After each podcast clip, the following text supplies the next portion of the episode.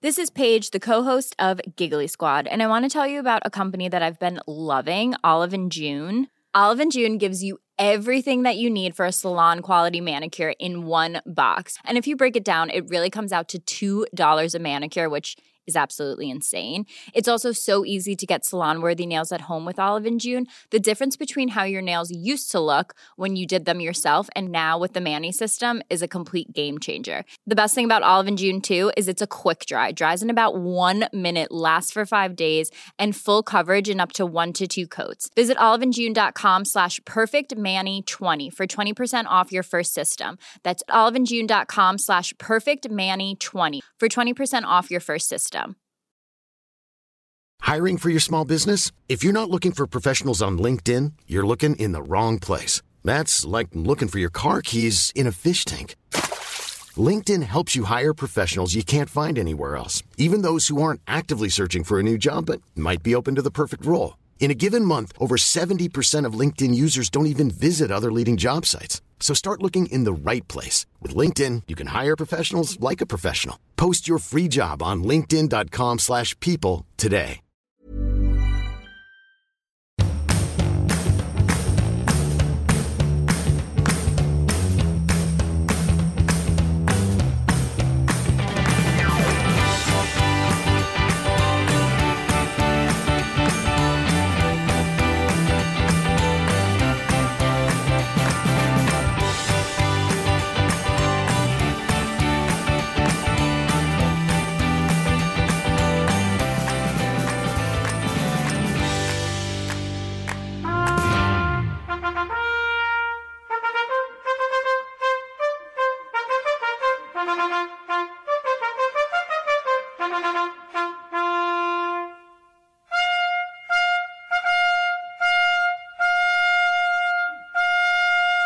Nu kanske vi kommer få lite klagomål på att vi inledde Lille Lördag väldigt royalistiskt.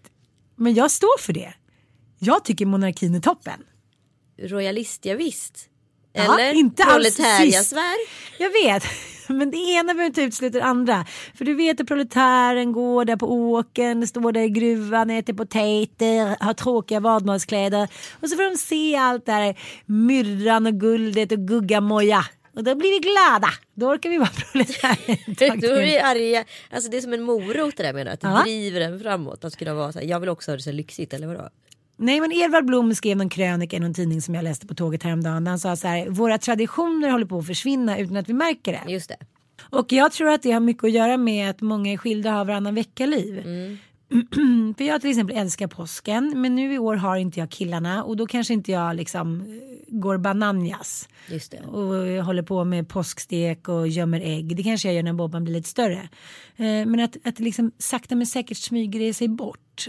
Och då även om royalist, liksom, royalistyran kanske borde bli lite min, mer dämpad så är den ju inte det. Och eh, det är ju liksom ett arv och det kanske inte alltid är bäst lämpade men det är ju ändå väldigt roligt. Då tänker jag att kungafamiljen på något sätt står för en tradition som liksom på något sätt är bra för Sverige tror jag. Men ska den här familjen då som kungafamiljen är speglar den på något sätt drömmen om det svenska hemmet? Eller så här, jag tänker att melodifestivalen i mångt och mycket kan spegla samtidens mode på ett eller annat sätt. Ja då är det ju Ja, katastrof. då är det katastrof för svenska folket men det vet vi redan att det är.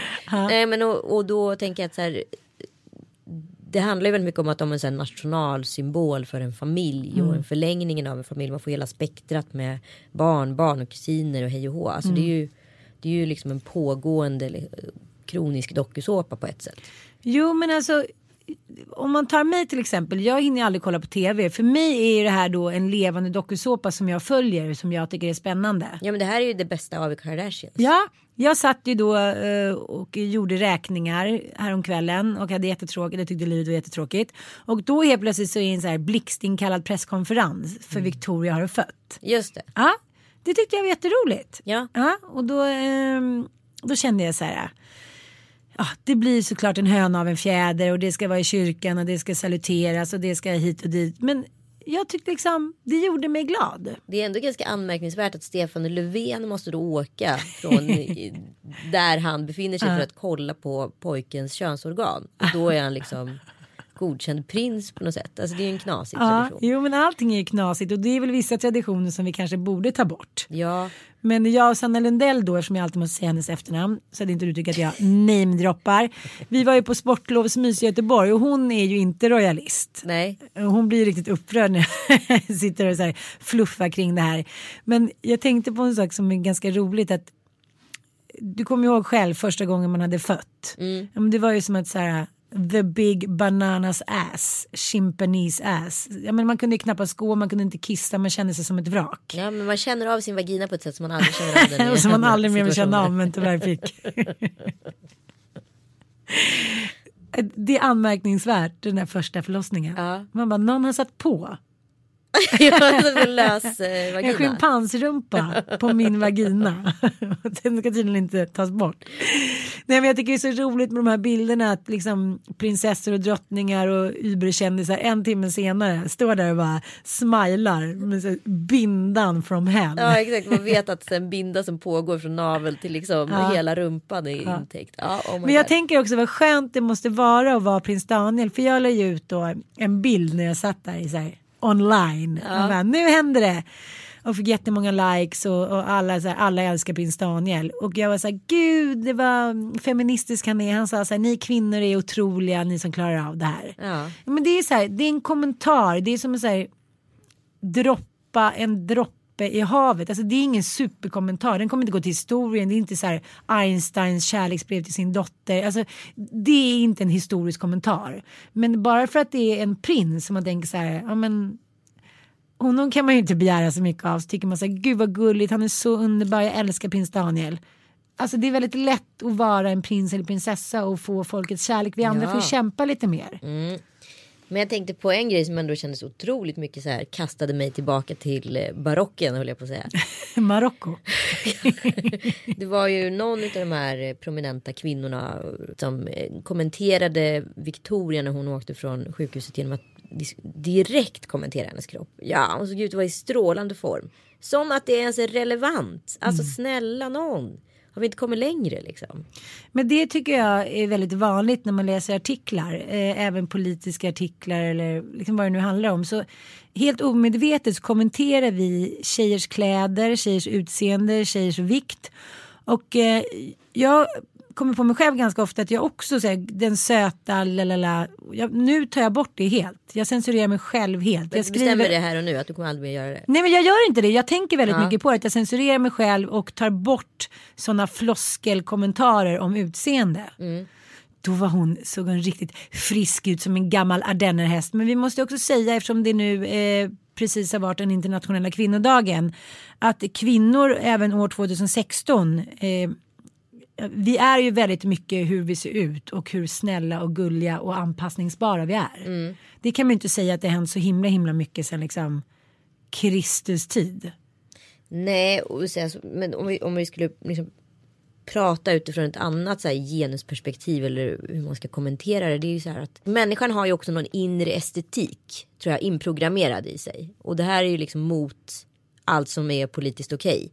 Alltså vi attraheras ju av det sötman i mat, vi attraheras av det vackra i en trädgård. Och vad det är är ju verkligen in the eye of the beholder. Men biologiskt så finns det ju någonting som riktar sig mot det här. Så att det, det är ju svårt för oss att hur mycket vi än vet att det är väldigt politiskt inkorrekt att prata om det så, så pratar man om det utan att man tänker på det.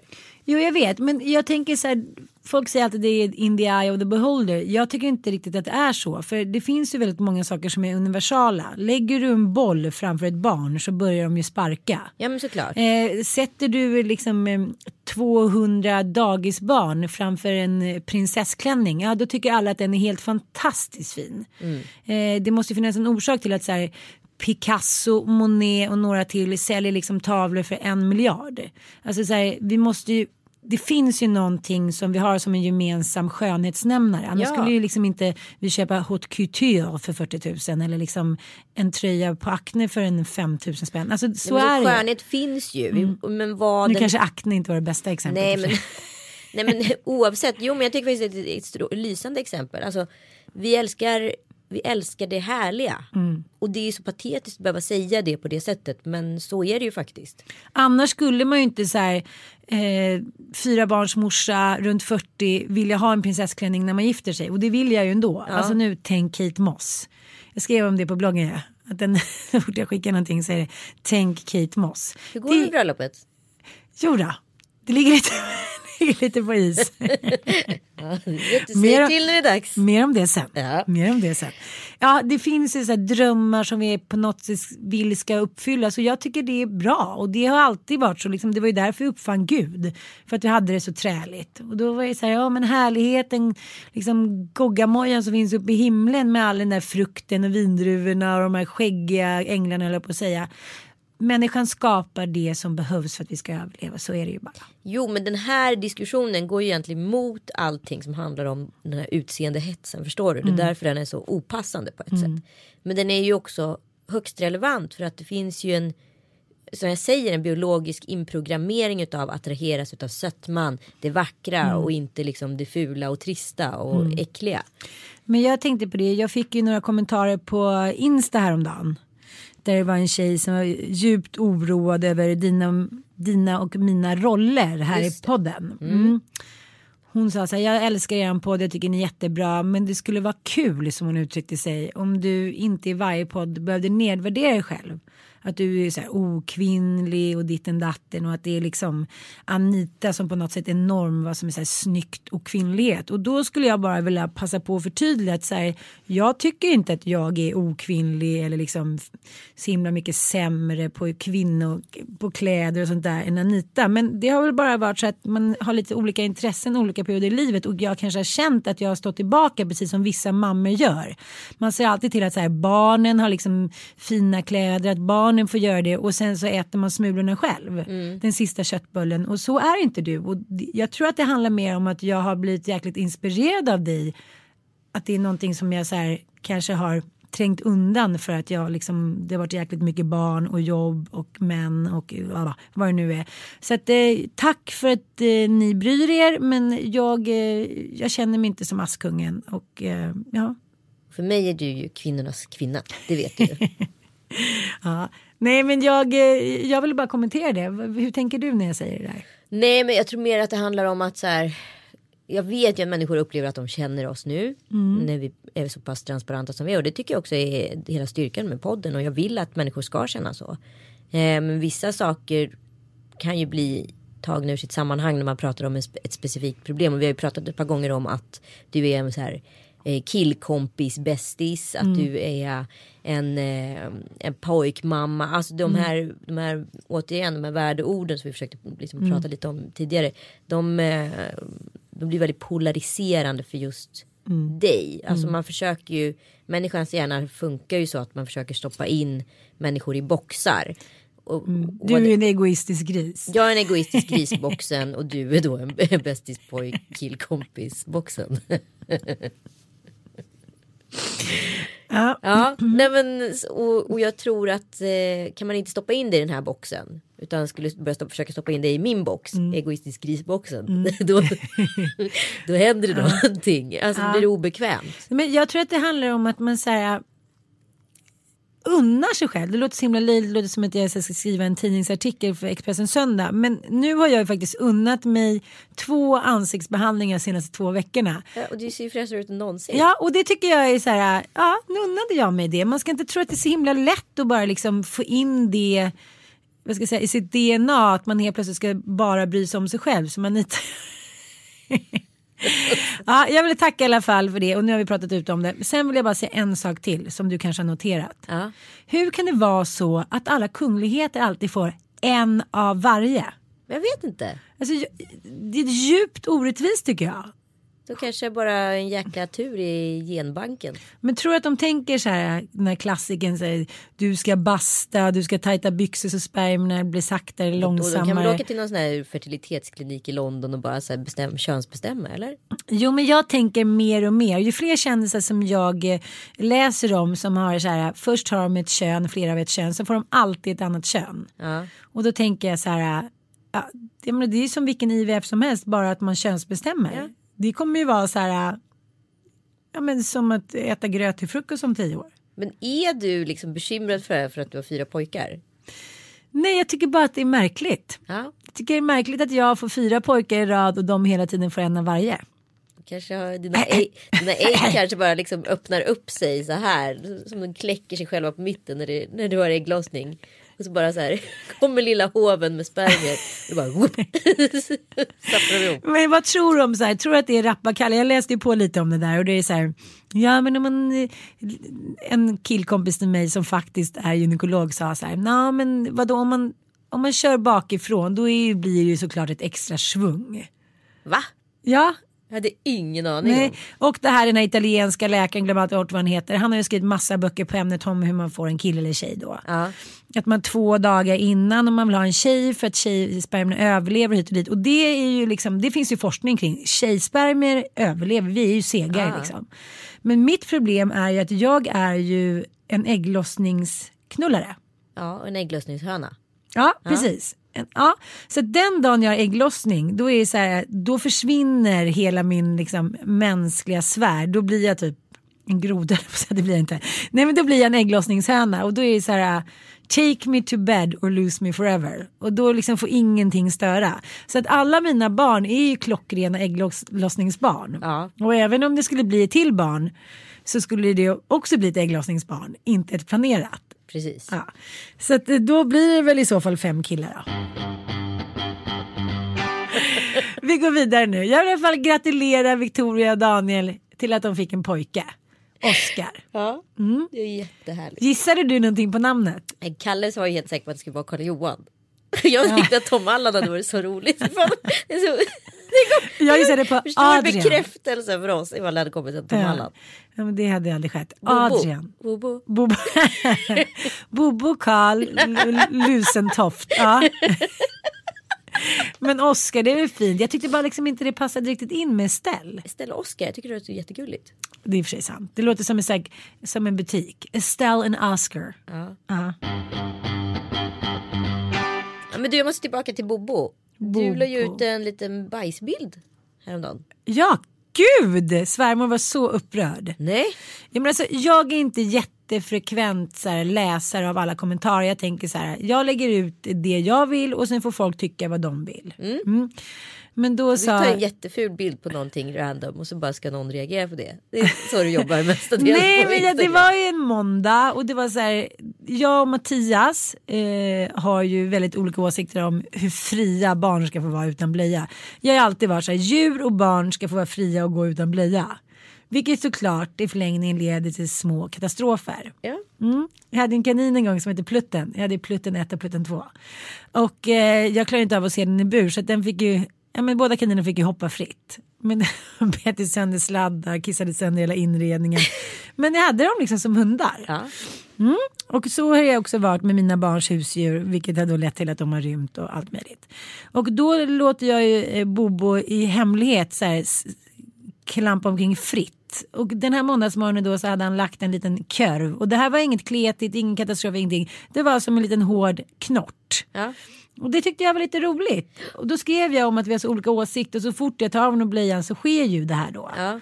Men så tänkte jag så här, vad gör det om hundra år? Han, hur skönt är det inte att få sväva fritt? Du vet ju själv när man badar i en sjö på sommaren. Men vi brukar göra sådär på sommaren när vi är på semester. Liksom. Jag kommer ihåg att det var så intressant att se. Penny kommer ihåg när hon var typ ett och ett halvt. Vi, vi körde en semester i Italien utan blöja. Mm. Och då gick hon alltid bakom en viss solstol och did number two. Ja, Eh, och där låg de liksom. Så Mm. det var lätt att hitta dem. högar. Ja, en liten, liten, en liten kul Och hög. så bilder framför mig, ni bara skit i det. På Det slutet av veckan. Mullvadshögen. Nej men jag tänkte det var intressant ändå människans beteende just runt, eh, runt eh, grejen med avföring. Att man så här väljer att gå avskilt och det är ingenting man gör. Men uppenbarligen inte Bobo som lägger en lideparad på mattan. He's the king, he knows it. Jag hade en kompis vars dotter virade in sig i eh, gardiner? gardinerna. Och så stod hon så! Det är någonting eh, speciellt för barn att göra av sig med exkrementerna. Och det är det ju för vuxna också. Det är liksom ingenting, det är ingen skitsak. Nej. Göteborgshumor, två dagar sen jag förlorade. Ja, och då var det väldigt många som blev upprörda och även min svärmor över att jag hade lagt ut den där bilden och då tänkte jag så här men gud, är det, är det något fel på mig? Är jag typ ond? Jag tyckte bara att det var en liten rolig grej. Det var många som skrev så här, han kommer kunna googla det här när han blir äldre du har förnedrat honom. Pratade Kan- med Penny Schulmans mamma om vad hon skulle kunna googla på. Okej, jag pratar med fel person. Men jag tänker så här, vi lever i en värld av liksom digitala sociala medier. Ja, de kommer kunna googla, men jag skulle vara jätteglad om jag kunde googla någonting. Sanna och jag ska ju göra en föreställning. Ja, Djävulsdansen på Maxim. Gå in och köp biljetter, det kan man väl säga. ja det kan man Ja, säga. det ska vara en föreställning om medberoende. Det är jättebra. Ja. Jag vet inte hur det hänger ihop med Bobos Bergs riktigt. Men jag, jag tänkte i alla fall på att. vad- Jo, men då tänkte vi att vi skulle ha en V8-film Ja. i början och visa lite i våra liv. Och Sanna hade jättemycket sånt där men jag har liksom inte en film från när jag är liten. Några så här tappra bilder där man ser mig borta i ett hörn eller halva mitt, halva mitt huvud med någon så här pojkvän när jag är fem år hit och dit. Men så jag- jag skulle vara glad om jag kunde googla upp när jag har bajsat på en matta. Ja, nej, men jag har några filmer från Spanien och diverse familjesemestrar där jag så här, på en film står och gör ett simhopp 1800 gånger för att få till det perfekta simhoppet för kameran. Eh, och sen på en annan film ler väldigt överdrivet och försöker vara, ja men as I was acting. Och det tycker inte jag porträtterar min barndom på något sätt alls. Och framförallt så har jag ingen så här relevans med jag, hur jag var som person. Jag kan inte lä- utläsa någonting från de filmerna. Nej, men jag tänker i förlängning på Jesper och Mia Parnevik som de har gjort med sina barn. Att de har dokumenterat hela, Jesper går ju alltid runt med en kamera hela, hela tiden.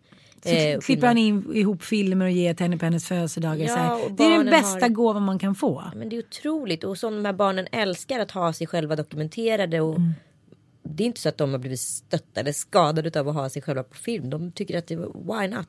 Alltså, Ni var ju med igår. Jag vet. Ja, det var jättebra ju. Ja, kul. Schulman show. Penny Schulman show. Ja, as always. As always. Ja, men jag tyckte det var jättebra. Ni trätte lite där du och Kalle. Ja, ja men gud det gör vi ju jämt. Det var ju verkligen som så här insikt i vårt liv. Mm. Ja, men jag tycker det var schysst. Ni bjuckade på det. jargong liksom. Mm, Och det var alltid. Så jag tyckte att Kalle var liksom. Han var lite. Han ville show off lite. Ja. men han är ju lite så, han är lite som en hund. Han var så här, han blir som en så här glad spelevink-terrier. Ja, men, det finns två vägar för mig att gå med en relation. Alltså antingen är en relation grundbra och sen är den dålig ibland. Mm. Eller så är den grunddålig och är bra ibland. Och det där är ganska svårt att ta reda på vad det är och så vidare. Men jag tänker på så mycket människor jag själv har dejtat och eh, även som har dejtat mig.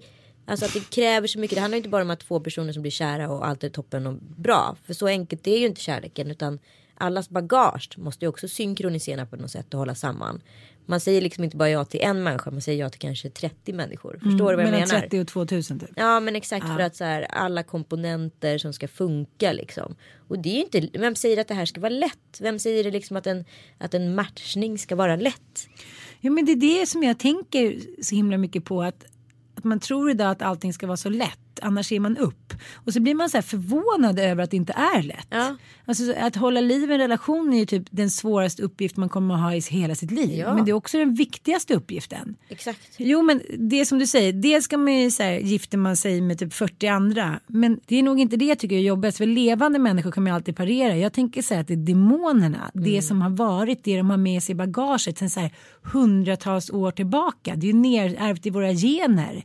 Familjehemligheter, trauman, för tidiga dödsfall.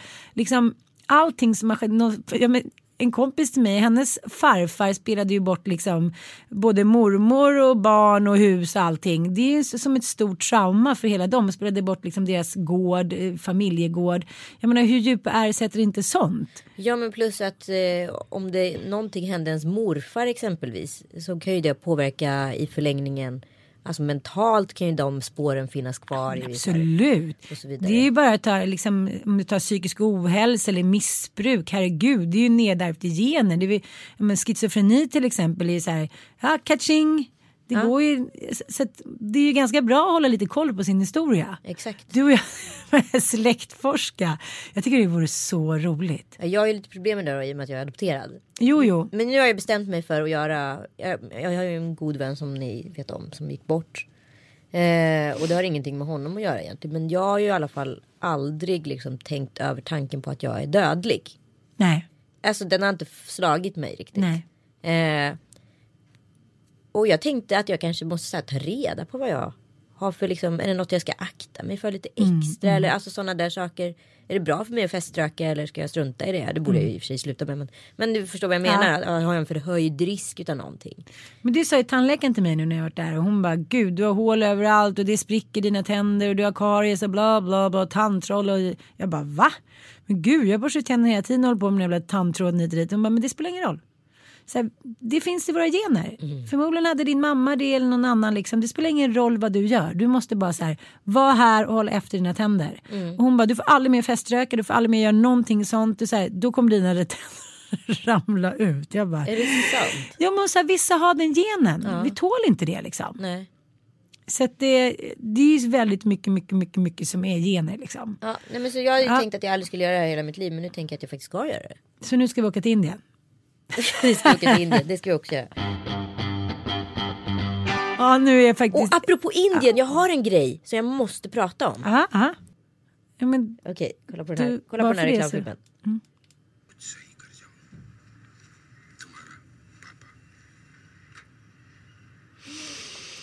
jag är väldigt lätträdd nu.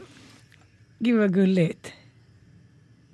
Fin eller hur? Så jävla Vi fin. kommer lägga upp den här på vår Facebook så ni får se den. Berätta nu vad du såg Ann. Jag eh, såg en, eh, en väldigt fin man, en, en indisk man som var hemma hos sin dotter och eh, hon pratade telefon och samtidigt som hon pratade telefon så pågick vardagslivet. Hon gav sin man som satt framför sin dator ett, en kopp kaffe, hon stoppade in tvätt, hon tog av barn smutsiga kläder, hon dukade. Och sen så var, ja, payoffen var så här, is laundry only a woman's job? Och då bestämde sig för pappan när han åkte hem till, till mamman att nej nu skulle han minsann hjälpa till. Mm. Men om vi ska vara helt ärliga nu eftersom det också har varit eh, internationella kvinnodagen så är det ju faktiskt Förlåt om jag generaliserar så är det ofta så det ser ut hemma hos att kvinnor gör tusen saker samtidigt. Ja, men det är som min kompis och kallar det för att kvinnor kan ju inte vara elitidrottare i en gren. Nej. Utan vi måste ju vara bra femkampare för att man gör så mycket hela tiden. Mm. Och det är mycket som, som är självklarheter eh, för en man som aldrig Mm. är självklarheter för en kvinna.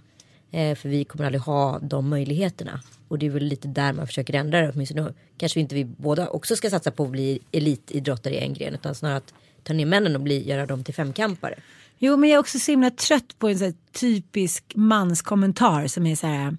Ja, vi män vi klarar inte av att göra mer än en grej i taget. Vi har ingen simultanförmåga så att Nej, okej, det kanske ni inte har för att ni aldrig behövt ha det.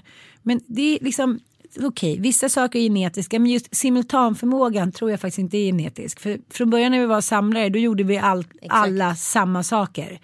Så att så här, nej men bestäm dig för då, det går inte att ändra på, det är killar och tjejer. Bestäm dig för att du ska ändra på det. Bestäm dig för att du ska liksom, Ja, men Bara- så- bara- en så tror schysst man. Jag, ja men sen tror inte jag liksom att man rimligen behöver vara jättebra på allting. Mm. Men man kan ju vara lite bra på mycket.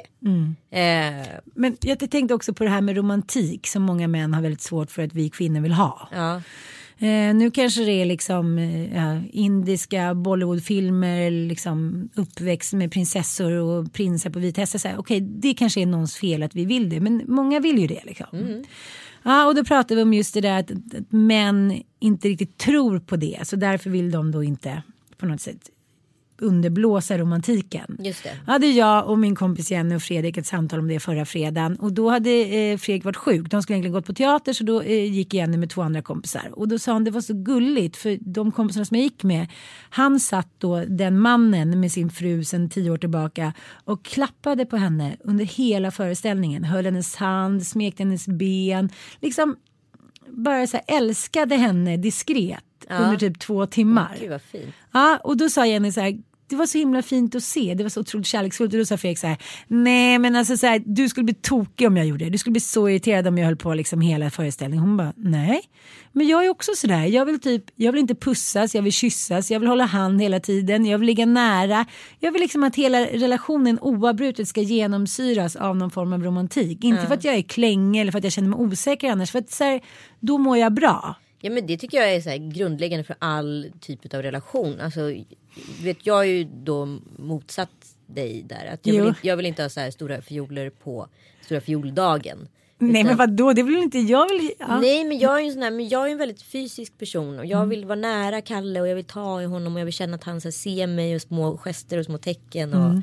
alltså just det där bara en kommunikation två personer emellan liksom Mm. eh, som är väldigt privat och, och kanske inte ens går så snabbast upp för dig eller Mattias eller någon annan om vi skulle vara på en middag utan Mm. bara någonting att vi har en kommunikation med varandra hela tiden Mm. som parallellt pågår med den andras med det övriga kommunikationen så att säga. Men det där är ju någonting som vi pratade om på Gran Canaria. Att jag var, frågade dig så Gud, hur ofta kysser ni varandra? Att man säger i början då är det så viktigt att bekräfta varandra hela tiden. Och sen sakta men säkert så glömmer man bort det där. Eh, men jag tänkte på det med mitt ex. Att säga, han var otroligt fysisk i början. Sen så när jag blev lite mer känd. Ja. Då ville inte han så här, hålla min hand på stan. Han ville inte hångla och sånt där. Och det tyckte jag var jag tyckte det var så himla diskriminerande för vår kärlek på något sätt. Att det var någonting som vi skulle så här, hålla inom hemmets fyra väggar. Sen kanske man inte står och råhånglar på krogen liksom, efter tre år. Det kanske man inte gör. Nej, Eller också är det det man gör. Jag har ingen aning. Nej. Det har inte hänt än. Nej. Jag har svårt att rulla tunga liksom, offentligt känner jag generellt. Kysser ni varandra ofta? Ja det gör vi fast vi, du, ah, nej, nej, jag får bara berätta för våra lyssnare att när Ann pussar någon då har hon alltid öppen mun. Alltså det är alltid en kvinnor. liten tungspett som är så här och liksom Det har Bobban också, han har ärvt det. Vad sa du? Bobban har ärvt det. Ja. Fiskmun som Kalle brukar kalla det för. När man får Fiskmun? Här, när man får så här barnpussar som bara är så här ett, ett, ett hål med en liten kall tungspets i. Min är inte kall. Nej. Min är varm. Ja, men nej, men, nej men alltså vi pussar varandra väldigt ofta. Mm. Eh, och tar i varandra.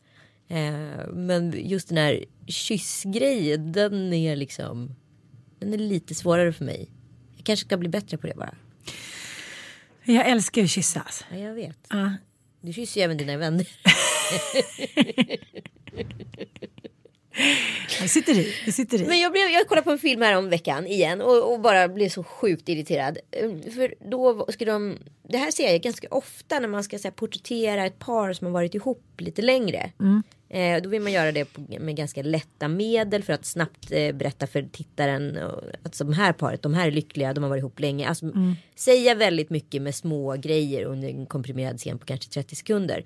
Och då blir det alltid att kanske mannen kommer hem från jobbet, eh, han ställer sig bakom kvinnan som står vid spisen eller står och diskar eller någonting. Och sen så känner han lite med handen innanför linningen och vips har hon snurrat runt och hoppat upp på diskbänken och han har dragit upp kjolen. Och sen ska det sättas på.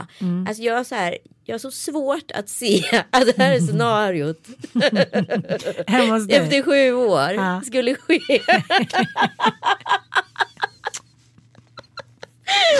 Nej men nej jag bara säger alltså så här, finns det, det så här, då undrar jag ju såklart är det problem hos oss eller är det så att det här är så filmiskt att det går inte att ta in. Det, alltså, det är den mest orealistiska sättet man kan egentligen porträttera ett lyckligt äktenskap på. Okej, men jag måste ändå bara, om jag bara snabbt så här, göra en rotation kring min egen liksom, sexhistoria. Då är det ju väldigt mycket så här första månaderna. Liksom Ja, men- en snabbis, man tittar på varandra och sen drar man typ upp kjolen och sen ligger man. Men det, så är det ju i Ja. början. Men det händer ju inte efter sju år. De här scenerna ska alltid cementeras för att visa att ett äktenskap är lyckligt. Ja, jag förstår. Men det kan jag, jag tänker att det händer kanske mer när man har druckit alkohol. Ja, Mm. men alltså just den här. Som att så här, fan, ungarna sitter vid köksbordet. Skulle man ens kunna komma på tanken att eh, här ska vi bara kuckelura lite. Men vad då menar du att i de här filmerna så sitter barnen vid köksbordet när nej, han det trycker sitter på henne? barn, men, nej, det sitter inga barn Nej. vid köksbordet. Men det sit, finns ju barn i hemmet. Mm. Alltså som är vakna och aktiva. Då, då kan man liksom inte ta en snabbis vid diskbänken. Det går inte. Nej, det gör det inte. Men det är också väldigt härligt. Jag bara kommer inte ens ihåg när jag tog en snabbis vid diskbänken sist. Ja, det var nog där nere på Garvargatan. Det var ju vad heter det som när du var maratonlöpare snabbare än Haile Gebrselassie och körde ner till Kungsholmen på liksom tre Körde, minuter. jag sprang, jag bara, Sprang. älgen dundrade förbi. Det var bara, vi såg någonting, en superhjälte. Nu måste jag googla. Men... Grejen är att det där kan man ju komma upp i när man åker iväg på en liten egen helg. Då kan man ju faktiskt här, sätta igång den där tändningen. Ja, ja absolut. Men det är bara för att man vet att man har massa tid. Jo, men jag tänkte på det. Vem var det som skrev? Jo, det var en krönikör i Svenskan som skrev så här. Ja, det är nu när man får andra barnet som liksom känslorna verkligen sätts på prov.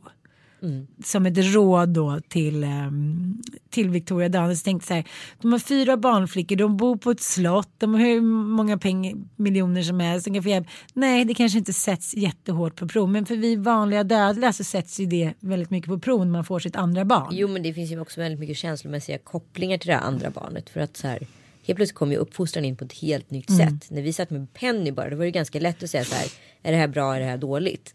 Men när man sitter med två barn, då blir det lite annorlunda. När man sitter med Tom Allan. Ja, okej. Ah, det hade inte spelat någon roll om ni typ hade haft så här Sound of Music-tantaloran där. Det hade så här, han har ju fortfarande varit en hundvalp som bara oj, kamikaze-projektet igen. Ja, ja. Alltså jag tror så här, det kommer ta några år.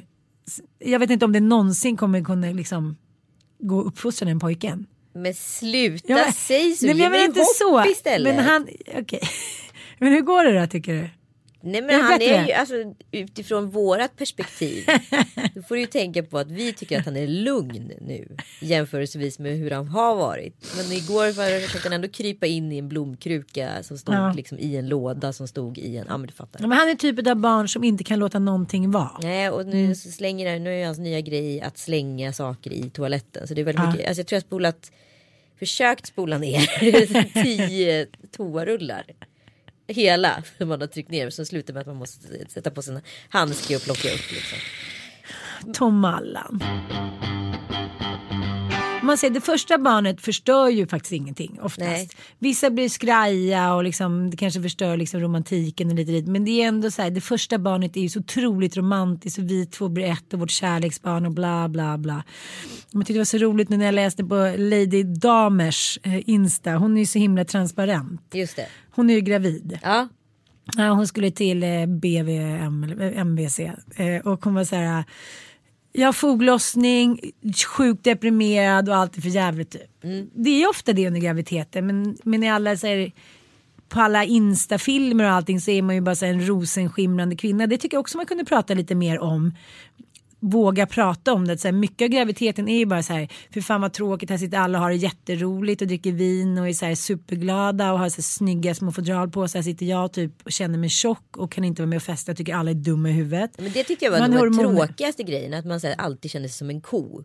Man känner sig också alltid utanför. Det är lite så här, folk har lite koll på en. De vågar liksom inte riktigt släppa garden för att de tänker så här, det där kommer hon sätta dit mig för imorgon. Ja men exakt. Och sen det där så här, när det tredje färdigglasvinet kommer innanför västen, hur folk blir såna otroliga dummare än kossor. Ja Jag men de är vet som inte om kossor Det är börjar dumma. liksom samtalsämnena om igen. Ja, man bara, men det där sa du ju förut och det var ju inte roligt eller smart ens då. Nej och nu säger du det igen. Jag Och sen det här en partners eh, förhoppning och så här, dumma tro att man själv tycker att det är jättekul att vara på en liksom, fest till klockan två bara för att han tycker att det är livets glada dagar. Men exakt. Ja, man krockar.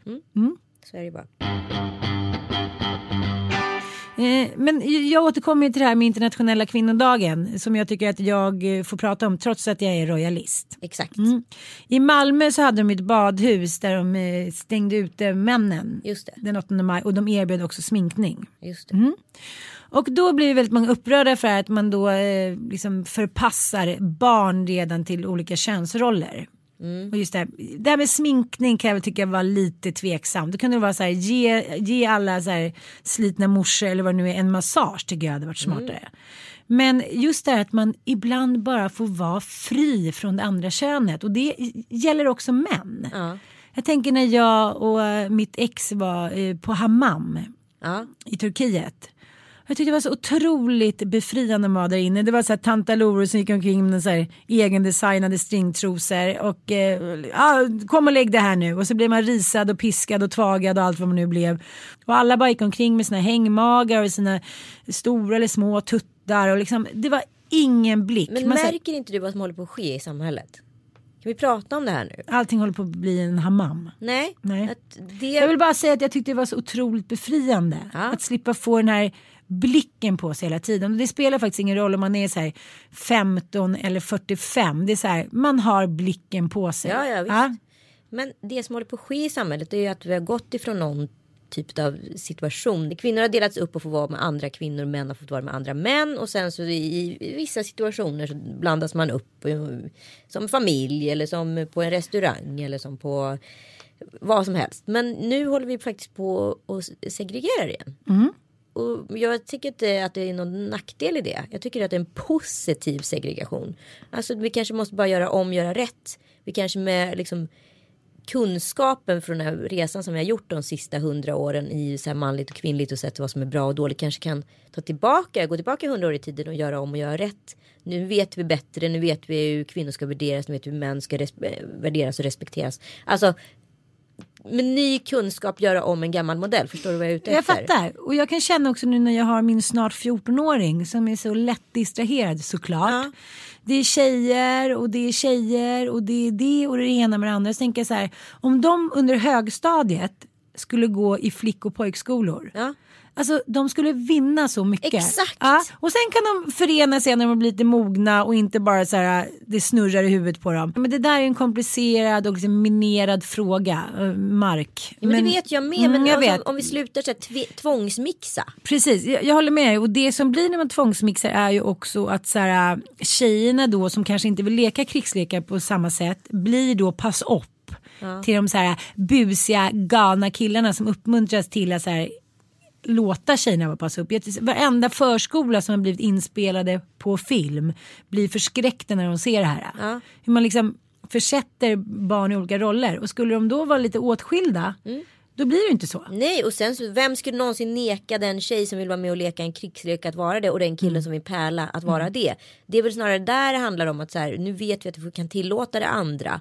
Men förut så var det ju bara på i sådana extremfall att man inte fick. Men nu vet vi med facit i hand att vill man så får man mm. och vill man inte så behöver man inte. Jag tror också att det skulle pärlas mycket, mycket mer om killar var lite mer för sig själva och tjejer lite mer för sig själva. Det tror jag också. Mm.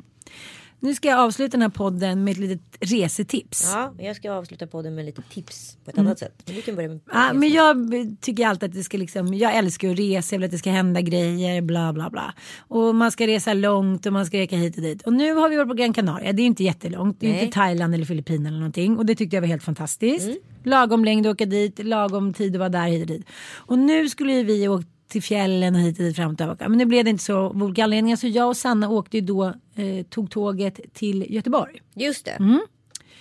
Och eh, superskönt på vägen dit. Förbeställd mat på det här MTR Express. Ja. ja. man behöver inte ens gå ut i vagnen. Är det sant? Ja, man blir liksom, då förbeställer man maten och så kommer det in till en i vagnen. Ja, helt underbart. Ja, och så var vi där två dagar och bodde på hotell, bodde bra och sen så eh, krävs ju inte särskilt mycket. Vi var på Universium, vi, liksom, då, vi badade på något annat hotell någon kväll, vi tog hem pizza på lördagen. Alltså, det var bara så här, vi turistade liksom en liten bit bort och det var så himla himla skönt. Och sen satte vi oss bara på tåget och åkte hem. Ja, men barn kräver ju inte så mycket mer. Nej, de ville bada i badkaren. Mm, vi ska ju till barnmässan nu snart i Karlstad. Det är Pennys stora grej på året. Och det spelar ingen roll om vi åker till liksom Afrika och USA. Nej, barnmässan i Karlstad, det knäcker allt. Oh, me. Ah. Men eh, apropå resor, jag var ju i Uganda i höstas som säkert ni som har lyssnat på podden tar minns. Eh, och där eh, träffade jag två fantastiska tjejer, en som heter Prossi och en som heter Marta. Jag har skrivit allt om det här på min blogg, så gå gärna in där på familjeliv. Eh, jag vill i alla fall uppmana mina följare och mina lyssnare och mina vad det nu är där ute att hjälpa mig att samla ihop 100 000 till de här tjejernas skolgång. Eh, och jag har lagt upp eh, plusgironummer, kommer lägga upp det även på vad heter det, Facebook-sidan och också ett swishnummer. Mm. Eh, så där kan man gå in och vill man direkt swisha så kan man göra det på 90 07 311 och märk det med Prossi. 90 07 311. Gud vad bra.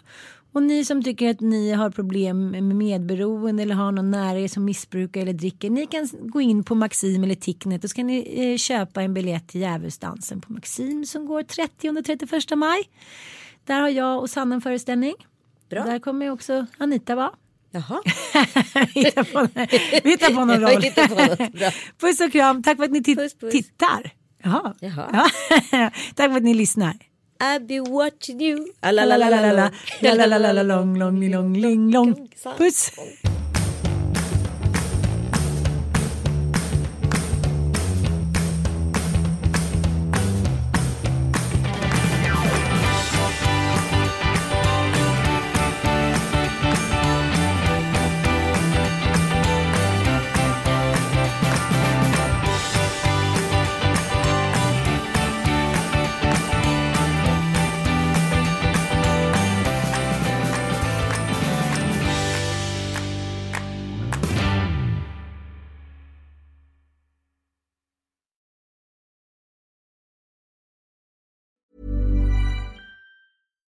Here's a cool fact a crocodile can't stick out its tongue. Another cool fact you can get short term health insurance for a month or just under a year in some states. United Healthcare short term insurance plans are designed for people who are between jobs, coming off their parents' plan, or turning a side hustle into a full time gig. Underwritten by Golden Rule Insurance Company, they offer flexible, budget friendly coverage with access to a nationwide network of doctors and hospitals. Get more cool facts about United Healthcare short term plans at uh1.com. Imagine the softest sheets you've ever felt. Now imagine them getting even softer over time. That's what you'll feel with Bowl and Branch's organic cotton sheets. In a recent customer survey, 96% replied that Bowl and Branch sheets get softer with every wash. Start getting your best night's sleep in these sheets that get softer and softer for years to come. Try their sheets with a 30-night guarantee. Plus, get 15% off your first order at bowlandbranch.com. Code BUTTERY. Exclusions apply. See site for details.